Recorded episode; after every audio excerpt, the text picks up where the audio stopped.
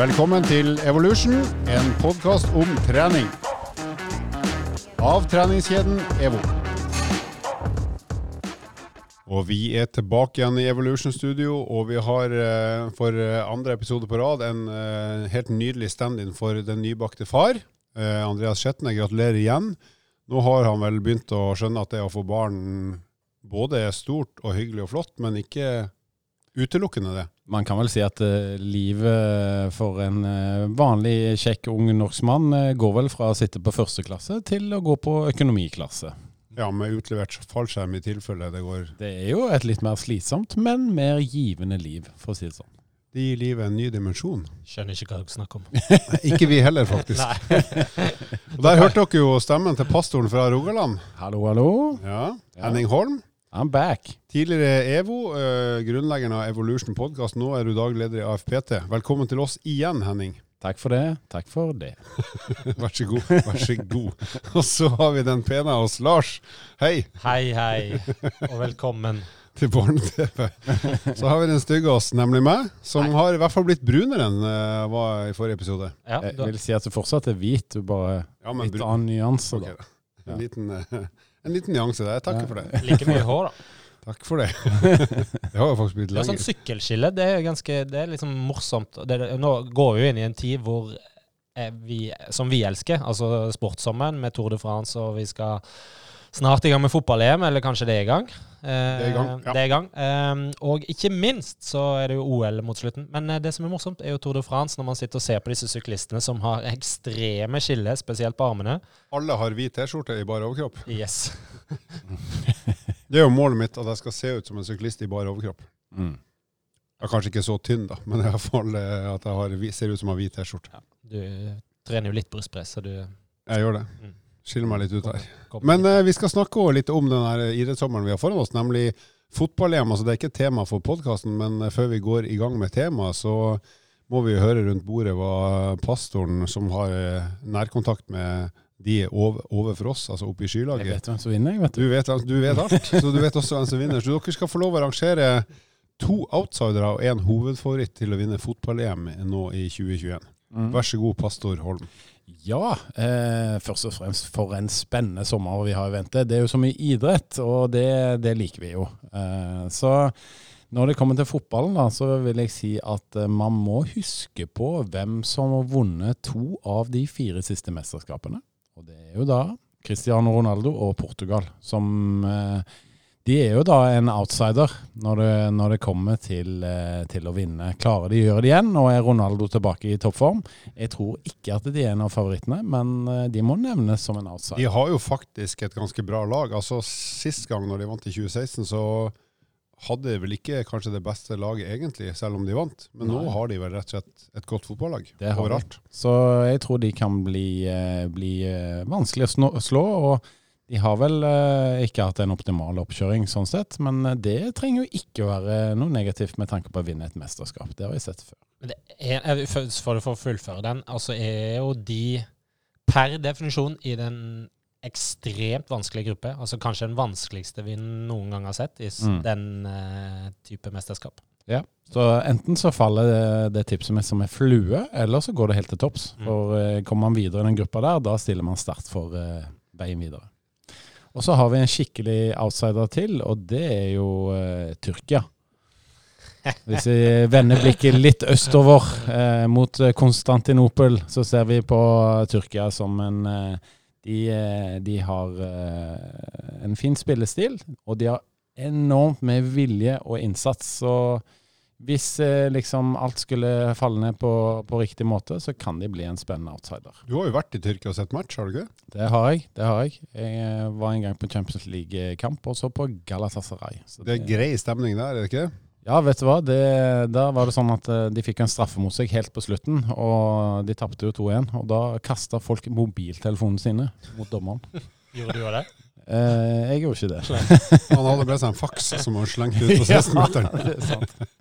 Apropos Tyrkia, da, det er bare et eh, dårlig minne, men i 2008, som er lenge siden, men da kom jo de helt til jeg tror det var semifinalen. Og da tapte de på straffekonk, men da husker jeg at han keeperen de hadde da, han hadde langt hår, og så klødde han seg rundt eh, skrotum på hver, før hver eneste straffe i straffekonken. Nok om det. Var det Hakan Soko som uh... Jeg tror kanskje han spilte der, ja. Han var vel spiss. mm. Mm. Og så har du det Henning Sokur heter het han faktisk. Ja. Vi hadde jo noen gode venner i Tyrkia eh, når vi spilte samfotball sammen. Eh, Ja, back in the day så var jo Mm. kanskje det landet vi gikk eh, best overens med på Det er sant. Det er sant. Mm. Mm. Men det laget som jeg mest tror på, det er faktisk England, altså. Det er England, kjempers fødeland. Yes, fotballens fødeland.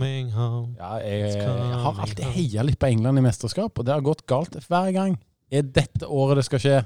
Vi får se. Jeg har jo også heia på England bestandig, men for min del så har det gått bra en gang, for de vant jo i 66 da jeg var 14 år gammel.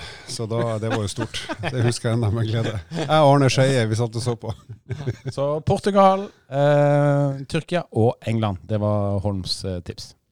Da, Lars, den eh, vakre. Eh, det her er, er ekstremt vanskelig, faktisk. For jeg tror i år så får vi et jevnere EM enn vi noen gang har sett. Um, Slutt med helgarderingen. Ja, ja, det, men det, uh, dette er jo et EM som egentlig skulle gått i fjor. Uh, og jeg har hørt mye på podkast i det siste, og det, det blir jo tatt opp uh, spesielt at EM i år blir litt annerledes, for det skal arrangeres i eh, Egentlig var det tolv, men nå er det blitt elleve, tror jeg, eh, nasjoner eller byer hvor kampene skal gå. Så det gjør jo at eh, fotballen blir spredd utover eh, alle vinder.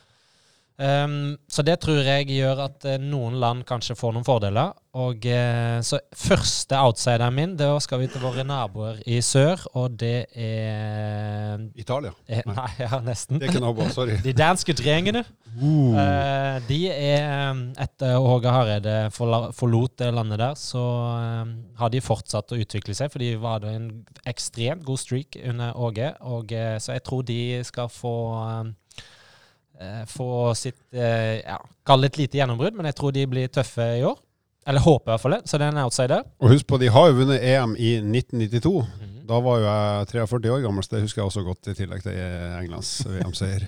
Mikael Laudrup og Brian Laudrup. Ja, faktisk bare Brian fra Mikael boikotta landslag. Jo, det er ikke kødd engang. For han syns han uh, sjefen, som jeg ikke husker Jo, Rikard Møller Nilsen heter trener. Han spilte meget defensivt, og det syns Mikael Laudrup var noe ordentlig tull, så han gadd ikke å spille på landslaget. Det her er faktisk Det sant. er sjukt. Det De vant jo likevel. Ja. Mm.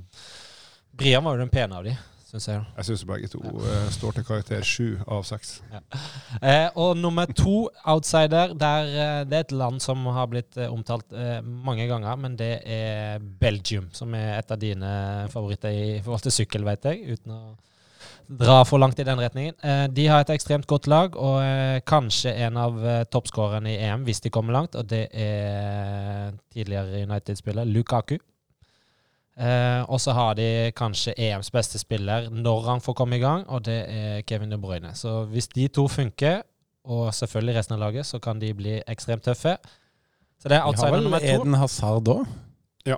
Ja, Mhm. og de har mange. Altså, Courtois i mål, og de Nei, det er et Ja. Han heter vel Lukaku, gjør han ikke det? Oi. Nå er du god, Halvor. Nå er jeg god. Nå er du innenfor sweet Nå har, eh, nå har sukkeret begynt å slå inn der. og spist opp isen din. Eh, og nummer én er Jeg skulle ønske jeg kunne sagt Tyskland eller Frankrike, men jeg har faktisk Italia. Eh, jeg har aldri egentlig vært noen fan av italiensk fotball, for, eh, Mm. men Italia, med den formen de viser, og eh, egentlig ingen sånn kjempesuperstjerne, det er bare et maskineri som går, og så har de en taktiker av rang som har vunnet veldig mye, eh, Mancini som trener. Og han er pen. Han er bare, pen. bare søk han opp på Google. Han er snart 60 år gammel. Han ser jo ut som en Henning. Han ser ut Som 32 som 32 år. Bare, bare finere kledd. Dressmann-modellen. Eh, litt sånn grå, grå nyanser og fint smil. Men eh, ja, Italia eh, Hvis de spiller på det nivået de gjør, så kan de bli ekstremt tøffe. Jeg tror jeg er kjempebra tips, Lars. Jeg, Takk for det. jeg, hadde, hadde jeg kunnet endre tipsen min nå, så har jeg gått for Italia. Ja, du skal, det skal jo sies at Lars har, har introdusert oss for at Italia har rett og slett vært veldig god de siste par årene. Men Ja. det du sa med at de er et maskineri, det er nettopp derfor jeg tror de ikke vinner likevel.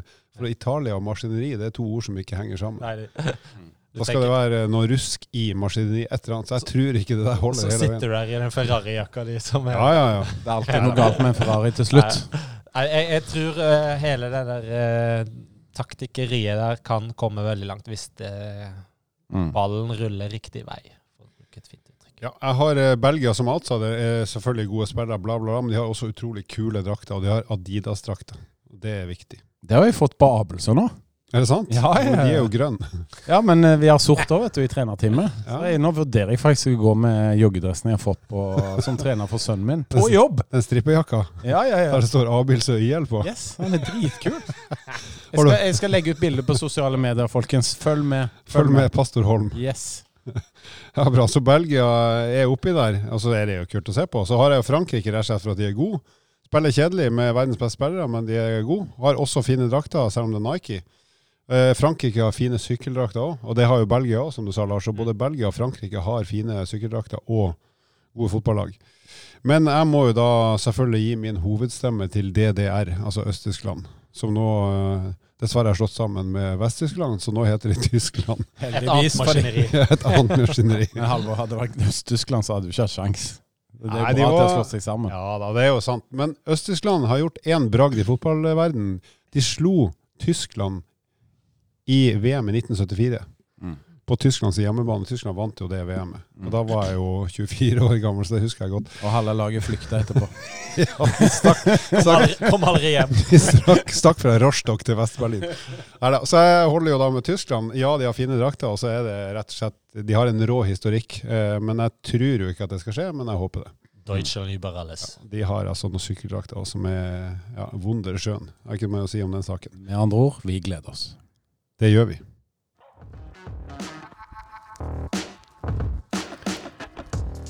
Og fra en altfor lang, eh, prat om fotball som ikke har noe som helst med podkasten å gjøre, egentlig, så skal vi over på et tema som har noe med trening å gjøre. Nemlig vi skal snakke litt om styrketrening om sommeren. Og da tar vi jo utgangspunkt i at hva kan du finne på av styrketrening utenom treningssenter? For det er klart, de er jo forhåpentligvis da åpne i hele sommer. Men eh, hva kan du gjøre når du er på ferie et annet sted enn der du vanligvis ferdes, og der det kanskje ikke er tilgjengelig i noe treningssenter?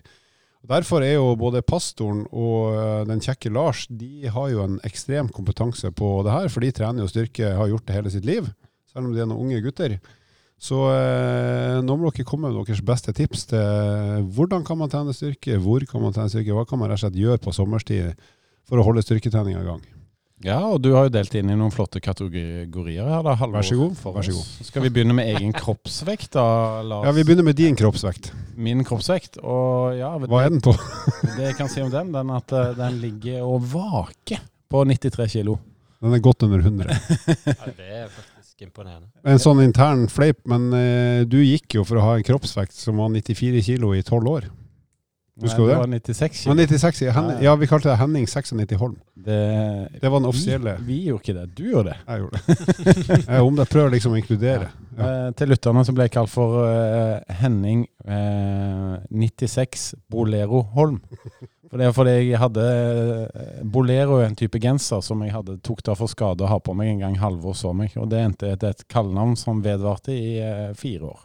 En sprittype òg, faktisk. Du ligger inne som Henning Bolero Holm på telefonen min, faktisk. Helt er faktisk sant. Nei, men fra spøk til alvor her, så kan, eh, eller fra spøk til Halvor Nå må vi ha en lyd. Vent litt, jeg må bare ha en lyd. Vær så god. Nei, men det er jo så mye du kan finne på, rett og slett. Eh, Det er så mange øvelser du kan variere med, og i forhold til bruk av egen kroppsvekt, så må jeg si det at eh, de siste 15-16 månedene så har jo både meg og mine egne kunder trent mer på denne måten enn noen gang før. Um, både gjennom utetrening og online-trening eh, digitalt og alt mulig, så har vi brukt eh, egen kroppsvekt som et verktøy. Og eh, fremste årsaken til å gjøre det, er jo at det er så tilgjengelig. Du bruker jo din egen kropp, og du trenger ikke noe særlig tilleggsutstyr. Mm. Eh, Den store fordelen med egen kroppsvekt, det er jo da i forhold til å trene brystmuskulatur. Der er det ganske enkelt å gjennomføre det med egen kroppsvekt, og trening av bein. Trening av mage og Bryst er så viktig kjernemuskulatur. for deg, Tom. Ja, det er det. Kjernemuskulatur er òg ganske enkelt. Og så har man kanskje et lite problem i forhold til trekkøvelser, og det å trene da ja, øvre, midtre og nedre del av rygg. Eh, Der, der er spesielt midtre deler. Der kan det være litt tøft for veldig mange. Så det, da snakker vi om øvelser som er å, å trekke kroppen. Eh, Bruke armene til å trekke og dra Ja. kroppen. Ja, rett og slett. Hvordan kan man løse litt- det, da? Mm. Hvordan kan man finne en løsning på de trekkeøvelsene? Først av alt så vil jeg si litt om at det skal ikke så mye til for å vedlikeholde den formen man allerede har opparbeida. Hvis man nå har fått trent litt på treningssenter, avhengig av hvor man bor i, i Norges land, så, så eh, ikke tenk at man må måte opprettholde samme frekvens på antall økter hvis man har trent to eller tre ganger i uka. Så holder sånn i utgangspunktet med kanskje én eller to økter, og litt sånn effektive økter i uka for å vedlikeholde den formen man allerede har opparbeida gjennom eh, x antall uker med trening, eller måneder. Så, så man kan ta ned litt i forhold til hvor ofte man trener. Men eh, kroppsvekt, jeg er jo veldig glad i det. Altså, det er jo noe av det jeg har trent mest de siste årene. Én ting er fordi jeg har vært mye på veien med, med alpinlandslaget og måtte trent litt mer egen kroppsvekt, og litt sånn kreativt. Eh, så vi skal komme litt inn på hvilke verktøy man kan bruke, eller hvilke virkemidler man kan bruke for å få litt ytre motstand. Men eh, eh, det å trene enkle øvelser, så tenk de samme bevegelsene som du gjør ellers i treningsstudio, men bare med egen kroppsvekt. Og så får man heller gjøre litt flere repetisjoner, og eh, eventuelt bruke tidsaspektet, dvs. Si intervalltreninga, at man jobber i x antall sekund. Om det er 40 sekunder på, 20 sekunder av. Eh, og, så, og, så, bygge det opp derifra, og så bruke x antall minutter med ulike øvelser, stasjoner. Da tror jeg vi skal gå litt praktisk til verks. Hvis vi nå deler opp i sånne grovkategorier av muskelgrupper, og så sier vi litt om hvordan kan du, hva slags type øvelser kan du gjøre, hvor kan du gjøre det. Så Hvis vi begynner da med rygg, som du var litt inne på, Henning, som kan være litt sånn keitete å få til. Hva slags ryggøvelser kan man få til ute, inne, overalt, bortsett fra på treningssenter?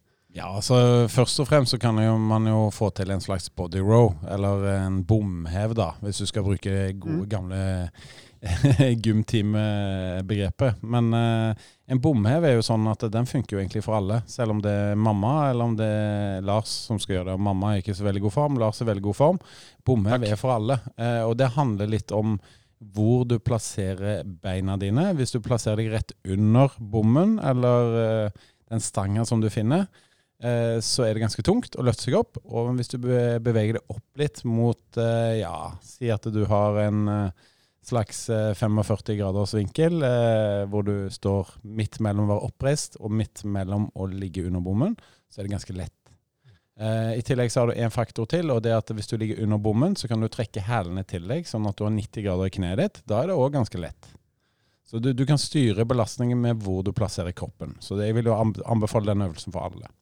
For de som er spesielt interessert, så er det jo da pullups eller chins. Så da må den bommen bare litt høyere opp? på en måte. Da må den høyere opp, og så skal du løfte deg selv eh, opp fra, fra å ha strake armer til å få haka da over, eh, over eh, stanga eller baren, eller hva du skal kalle det. Og den stanga eller bommen, det kan jo være på en lekeplass. Eh, ikke sant? Det kan være et huskestativ der du når opp, eller Det kan være. Det kan være egentlig hvor som helst. Så ja. det trenger ikke å være noe sånn at det er rigga til for akkurat det formålet. Ja, det er et tips til Andreas, da, som nå kommer til å tilbringe veldig mye mer eh, tid i sitt liv på lekeplasser. Det er å kjøre pullups dips. Det er jo en grunn til at jeg som har tre barn, er god i pullups og dips. Det er vel de to eneste øvelsene jeg er god i, sånn jeg skal være litt streng med meg selv, da. Du pleier å gå rundt på Abersø bare overkropp og oppsøke lekeplasser, du. Så tar du hangups og sånn, mens småbarnsmødrene ser på. Det har vel ført til økt popularitet i, i lokalmiljøet. Og når du drar på deg Abersø-jakka, så blir det helt konge. og så er det jo, har vi jo en type tufteparker, altså aktivitetsparker som blir bygd eh, flere og flere steder i landet. Både kommunalt og privat og treningsidrettslag, eh, som Abildsø f.eks. Eh, som man òg kan gjøre veldig mange av disse øvelsene, som eh, bomhev, eh, eller liggende opptrekk, eller hva man kan kalle det. Så kjært man har mange navn. Pullups, chins. Eh, Eh, eventuelt ha med seg en strikk. Det finnes jo mange eh, alternativer som man kan kjøpe på, nei, på sportsbutikker som man kan ha med seg, og da kjøre type eh, sittende roing-varianter, altså der man må trekke noe til seg. Det er jo det som er formålet ved å trene de muskulaturen man har på baksiden av ryggen, eh, skuldrene, Eh, I tillegg til eh, rygghev, f.eks., som man kan gjøre på, på bar, eh, bare bakke. Bare løfte overkroppen opp, løfte seg opp. Eh, diagonalhev, som er en fin øvelse, hvor man òg får jobba litt med kjernemuskulatur.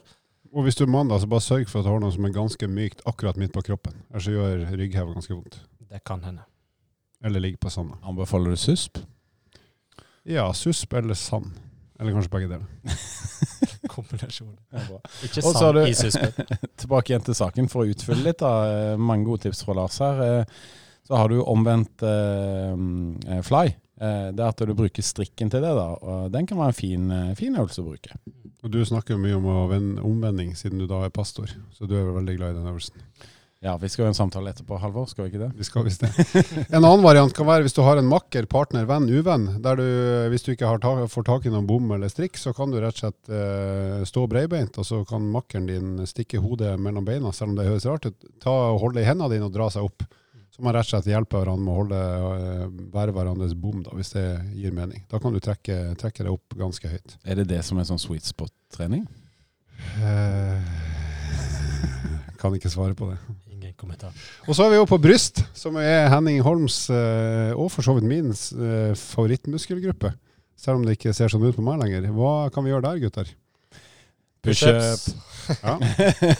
Og det, det verste er at Ja, men det har vi jo hørt før. Ja, men det er, fins det noe bedre alternativ? Det er jo en utrolig fleksibel øvelse, er det ikke? Jo, altså, jeg, for å si det sånn, da. Eh, Pushups kan man gjøre hvor som helst, og, og mm, måtte, i uansett hvilken form man er. Man kan være på knærne, man kan være på tæra, man kan gjøre det mot en benk eller mot en vegg. Man kan ha beina på en benk eller trapp eller vegg. Eh, så den kan man på en måte gjøre hvor som helst. Om det er på hotellrommet før man går eh, på stranda eller på, til bassenget osv. Man kan legge ting opp på ryggen. Altså om man må ha en sekk på for ytre belastning. Man kan ha vektskive hvis man har det tilgjengelig. Eller samboeren sin, eller barna. Eh, jeg tror jeg har sett en video av deg eh, ta pushups, Henning, med barna. Nå begynner de kanskje å bli så store at du ikke klarer Det gjorde jeg faktisk i helgen. Ja. Eh, sønnen min, eh, som nå er 36 kilo, han begynner å bli stor gutt, han er jo snart ti år. Han lå på ryggen min, da klarte jeg ti stykker. Sov han? Ja, Sov han? Nei, han, han sov ikke. Nei, jeg, tok noen pushups, og så syntes han at dette tok for lang tid, så han la seg på ryggen min. Og så kan man variere tempoet, eh, dvs. Si kjøre eksplosive bevegelser, som for så vidt eh, fysiologisk kan fyre litt mer, eller engasjere litt mer muskelfibre, eh, som blir ganske tungt, med klapp eller Mm. andre ting.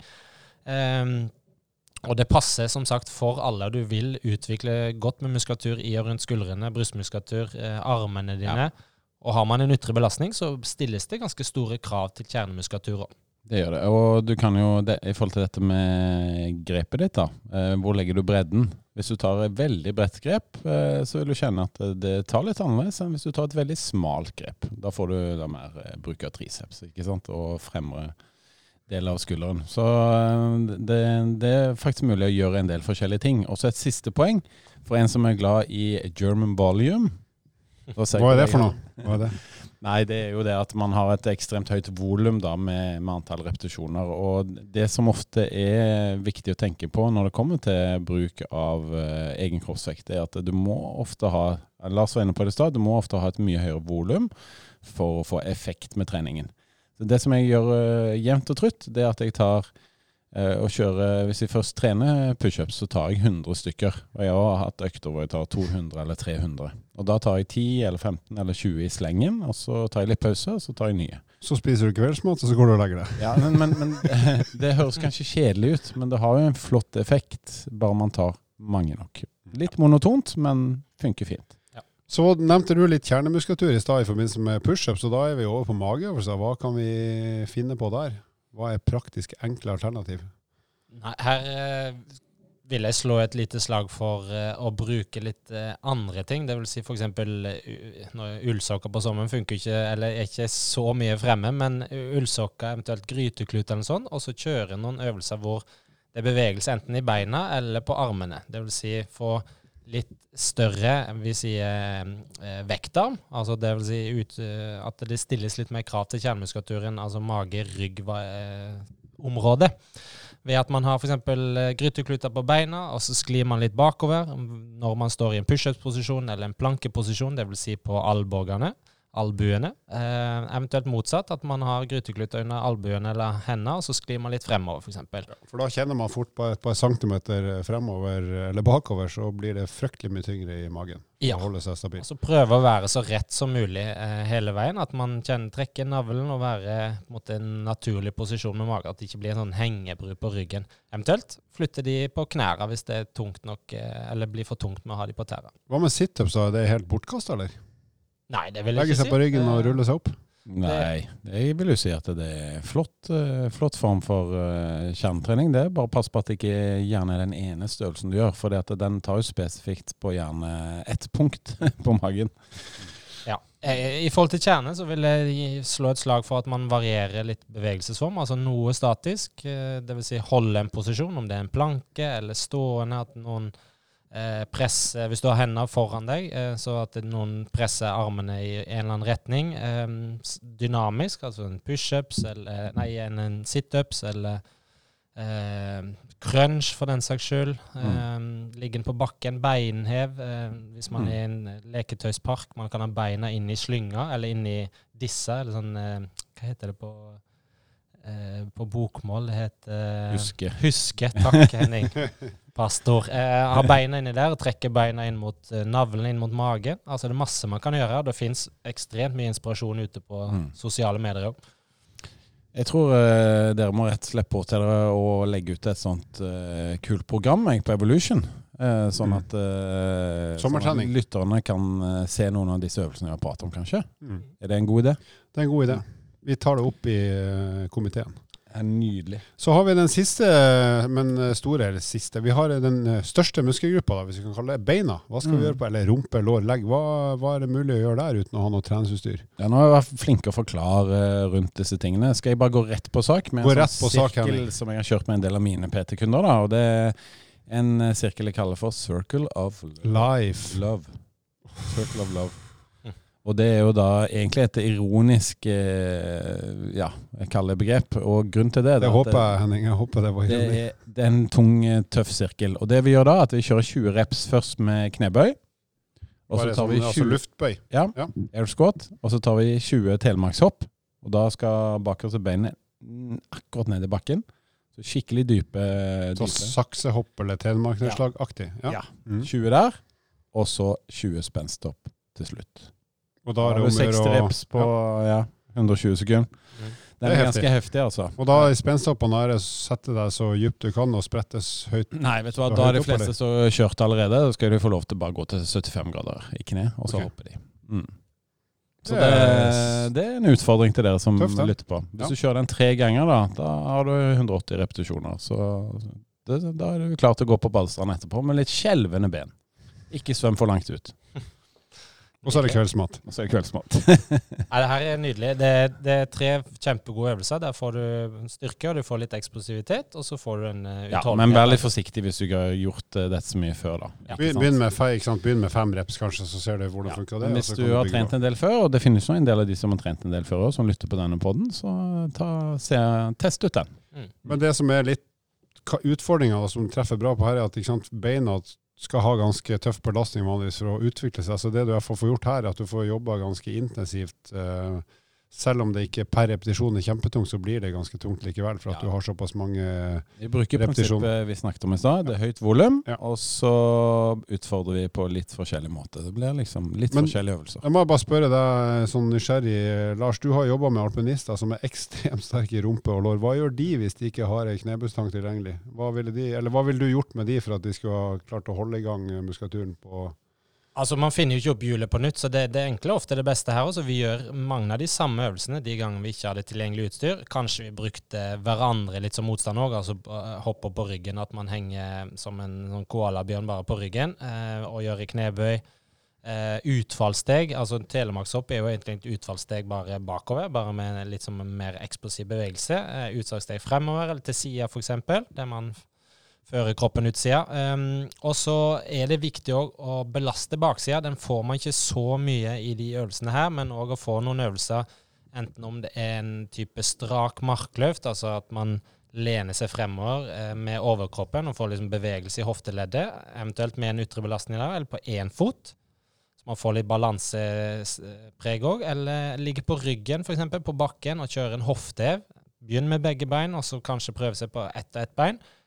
Og så er det alternativene å kjøre noen utfallssteg eller hopp i trapp, f.eks., eller oppå en benk. Og ikke minst eh, en enfotsøvelse kanskje som kunne funka inni her, og det er jo en type step up, altså et steg opp, enten om det er en trapp eller en benk eller sofa eller solstolen for den saks skyld, at man gjør noen bevegelser som involverer baksida litt mer. Og når jeg sier baksida, så er det baksida av låret, ikke bare rumpe-setemuskulaturen som man får veldig godt på mange av disse øvelsene. Ja, har, du, har vi noen øvelser for forsiderumpe? Nei, mange gode tips eh, fra Lars. Jeg vil bare si at uh, bulgarsk utfall det er jo en type øvelse som er nesten tung uansett om du ikke har belastning på. Bare går dypt nok ned. Så det, det er kanskje den ultimate ferieøvelsen uh, for veldig mange. Og Kort forklart, hvordan ser den bevegelsen ut? Da setter du da ene, ene beinet tilbake, altså du fører det tilbake og putter det på et fast sted, på en stol eller på et bord eller på en stein eller benk. Og så går du ned i en uh, en utfall, da. Eh, hvor eh, bakerste kne kommer så langt ned mot bakken som mulig. Den er tung. Den er tung, altså.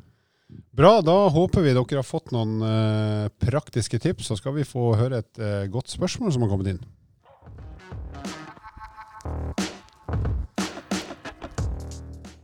Magnus har sendt oss et spørsmål. Han skriver at uh, vi skal på norgesferie i sommer med familien og skal til steder uten treningssenter. Har dere noen tips til hvordan jeg kan holde styrketreningen i gang, spesielt tunge og gode øvelser for beina? Det har vi for så vidt akkurat vært inne på, men hva tenker dere? Han har jo med seg familien, og selvfølgelig da ikke ubegrenset tid til egentrening, og det er han sikkert ikke interessert i heller, sånn sett. Men hva, hva ville vi tenke er de beste øvelsene han kan gjøre for eh, beina? Nei, altså Vi har nevnt knebøy, vi har nevnt utfall, og vi har nevnt uh, ulike eh, varianter av utfall. Vi har nevnt litt for baksidelår. Um, Eh, og da har vi på en måte dekka de muskelgruppene som bør være med, og ikke minst og hvilke øvelser. Men her vil jeg nok anbefale han å kanskje bruke litt det man har rundt seg, og på en måte prøve å legge litt inn her og der. Eh, det vil si gå noen utfall når du leker med barna, altså bare noen utfallssteg fremover. Gående f.eks. Det kan se litt rart ut. Eh, det gjør det. ja, men det er liksom det lille som skal til da, for at man skal klare å holde litt ved like. Og som vi sa helt innledningsvis, det skal ikke så mye til i forhold til belastning for at man klarer å holde ved like. Mindre enn man tror, sånn som en liten tommefingerregel. Uten at man blir grisestøl eller føler seg svakere når man kommer tilbake til da, treningssenteret i august når man er ferdig med ferien. Nå vet jo ikke vi hvor mye han har trent bein, men la oss si at han eh, Hvor ofte skal vi si at han skal gjøre det her i løpet av ei uke? To ganger, eller tre i hvert fall? To-tre ganger? Ja, eh, hvis, ja, avhengig av selvfølgelig hvor mange, men eh, si to, da, så har man et snitt. Og hvis man f.eks. har en løpetur i tillegg, så får man litt belastning på beina. For den støtbelastningen, selv om det ikke er direkte overførbart til muskulær styrke, så vil du i hvert fall ha litt belastning på beina. Og har familien en god dag, så kanskje hele gjengen blir med på en aldri så liten styrkesirkel på et kvarter 20 minutter. Det, det høres slitsomt ut, men det kan faktisk være ganske ålreit hvis man legger fra seg telefoner og rett og slett får Circle alle med. Circle of love. Circle of love med Bolero og Holm. Jeg vil dele tipset mitt i to. Det kommer liksom litt an på hvilken uh, internkultur han har i gjengen sin, da, for å si det sånn. Men uh, hvis han uh, skal trene i, uten noe særlig utstyr og i nærheten av familien, så vil jeg gjerne delt inn i tre. At du har én dag hvor du trener bein og fokuserer på mange av de øvelsene vi akkurat snakket om. En dag hvor du finner et eller annet stativ og tar pullups og bomhev og kjører masse repetisjoner på rygg. Og en dag eh, som er veldig lett å gjennomføre, det er jo da bryst, hvor du kjører masse forskjellige pushup-varianter. Da kan du dele det, splitte de tre og kjøre på den måten. Eh, den mindre familievennlige versjonen, men hvis han har snill, eh, snill kone, så tenker jeg at han her han funker best hvis han får litt alenetid. Så dra på et treningssenter og få deg en time alene, og så kommer du tilbake igjen som superpappa. Så det er jo faktisk mulig å gjøre det òg. Gode tips fra en superpappa der. Superpappaen fra Abildsø. Henning Bolero, pastor Holm. Takk for det. Takk for det. Da skal vi avslutte episoden med en uh, fun fact. Uh, det viser seg at når man uh, regner statistisk på toalettopphold, så bruker et gjennomsnittlig menneske med en sånn gjennomsnittlig levealder ca. ett år av livet sitt på toalettet. Og Hva tenker dere om det, gutta, i forhold til levd liv så langt? Er dere i rute på ett år, eller er dere på mer? Jeg tror nesten jeg er på et år. Altså, sånn totalt. altså jeg eh, Det ikke, høres ikke, ikke, veldig interessant ut, men jeg, jeg slapper av når jeg er på do, og da bruker jeg heller litt mer tid. Og som, som er et viktig element her, er jo eh, dessverre telefonen. Det høres ikke hygienisk ut, men den er jo med stort sett overalt. og jeg leser svar på mail eh, osv. på do. Det, sånn er det bare blitt. Mm. Står det i signaturen din at eh, du var på do? ja, det, når, når, folk ringer, så er det, det auto, autosvaret mitt. Nei, jeg tenker at det er en naturlig del av å leve, så vi må vel eh, finne oss i det at eh, den tiden, den, den brukes, og den er der. I gamle dager så hadde man med seg papiraviser på do rett og slett for å kunne slappe av. ikke sant? Men nå har vi jo fått skjerm, så den er jo med oss overalt. yber alles, som de sa i gamle DDR. Så for min del også har jo uh, antall minutt per toalettbesøk økt dramatisk etter at jeg fikk mobiltelefon i forfjor. Ja, sånn ble det. Så uh, den, den tida der går nok Jeg tipper fort fire-fem år av mitt liv, litt avhengig av hvor gammel jeg blir da. Nå er jeg jo 74. Så uh, jeg tror jeg fort blir tilbake på do, men med å gjøre mye annet enn Mm. Jeg er savner den tida man satt på do, i hvert fall på hytta og leste Donald. Fy fader, for en tid. Med utedo? Ja. Ja, ja.